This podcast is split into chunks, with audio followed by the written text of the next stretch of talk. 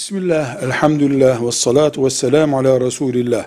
Gülmek, yani ağlamanın aksi olan gülmek, herhangi bir şekilde abdestle ilgili değildir. Abdest bozmaz. Oruç bozmaz. Ama namaz kılan bir Müslüman, büyük ihtimalle bu soru buradan kaynaklanıyor.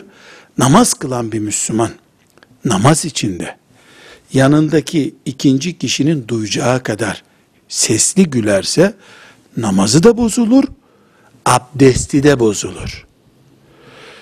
Gülmek değildir abdesti bozan şey. Namaz gibi bir ibadette müminin gevşeyip, la kayıtlaşıp, gülmesidir bozan.